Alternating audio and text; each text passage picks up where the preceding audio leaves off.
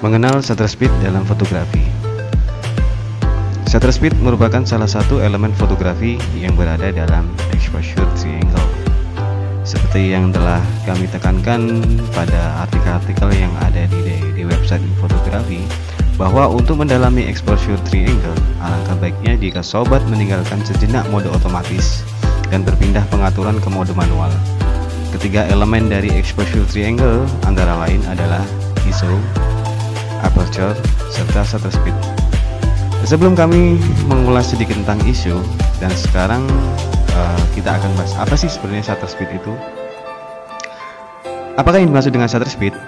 Shutter speed bagi kebanyakan orang Indonesia diartikan secara bahasa sebagai kecepatan tanah, yaitu berapa lamanya shutter terbuka. Pada era fotografi film, shutter speed diartikan sebagai lamanya film diekspos ke objek yang difoto. Deskripsi ini sama dengan era fotografi digital, di mana shutter speed merupakan lamanya sensor melihat subjek yang akan diambil gambarnya. Nah, sekarang di bawah ini kami akan mencoba untuk mengulas shutter speed ke dalam beberapa bagian. Semoga mudah dimengerti bagi sobat-sobat yang baru mengenal dunia fotografi.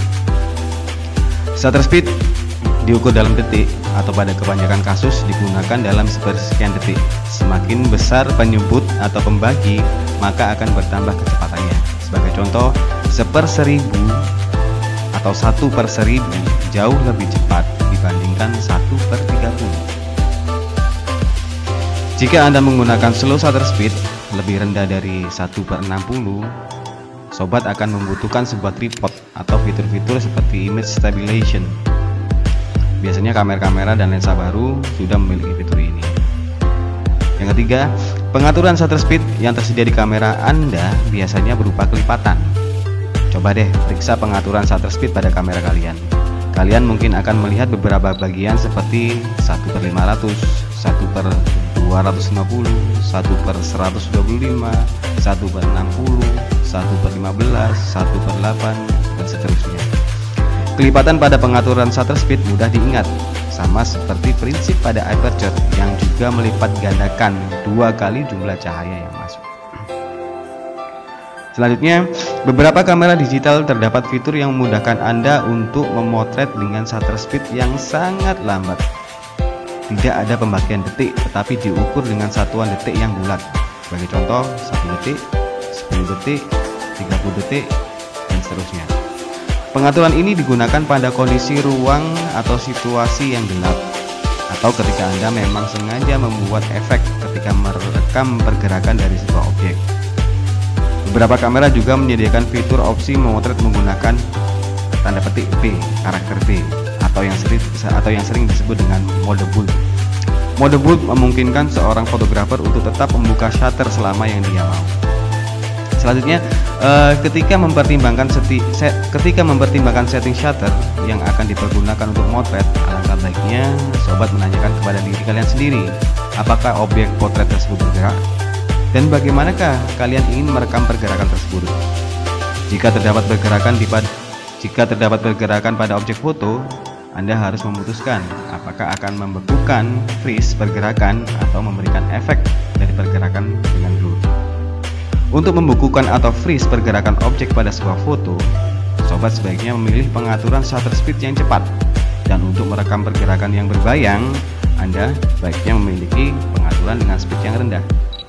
Kecepatan yang Anda pilih mungkin akan beragam tergantung pada kecepatan subjek ketika pemotretan serta bagaimana bayangan blur yang kalian inginkan.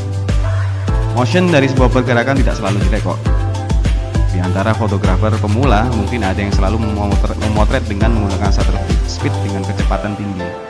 Mereka terkadang tidak mengerti mengapa orang menyukai foto yang berbayang atau blur. Ada kalanya, motion pergerakan itu tampak lebih indah dan bagus. Sebagai contoh, ketika Anda memotret sebuah air terjun dan ingin menonjolkan seberapa cepat air itu mengalir, atau ketika Anda memotret sebuah balap mobil dan ingin memberikan nuansa kecepatan laju kendaraan, atau bisa juga ketika memotret bintang dan ingin memotret bagaimana bintang-bintang itu bergerak. Pada contoh-contoh tersebut, penggunaan shutter speed membutuhkan sebuah tripod. Jika tidak, maka kemungkinan besar hasil foto Anda akan rusak karena pergerakan kamera. sekarang kita akan bahas tentang peran, shutter speed dalam exposure. Perlu diingat bahwa jika sobat hanya terlalu berkonsentrasi pada shutter speed dan tidak menghiraukan dua elemen dalam exposure triangle yaitu aperture dan ISO, percayalah itu bukan ide yang bagus. Ketika sobat merubah shutter speed, maka otomatis kalian harus merubah satu atau dua elemen tersebut sebagai kompensasinya. Contoh, jika Anda mempercepat shutter speed sebanyak satu stop atau dari 1 per 125 ke 1 per 250 itu berarti kalian akan kehilangan setengah cahaya yang masuk ke dalam kamera. Nah untuk menyeimbangkan hal tersebut kalian butuh untuk meningkatkan juga aperture sebanyak satu stop atau dari f16 ke f11 alternatif alternatif lain adalah dengan memilih setting ISO yang lebih tinggi. Umpamanya dari 100 ke 400 sekian dari infotografi untuk ulasan kali ini dapatkan artikel-artikel menarik atau ulasan-ulasan menarik tentang dunia fotografi hanya di infotografi.com terima kasih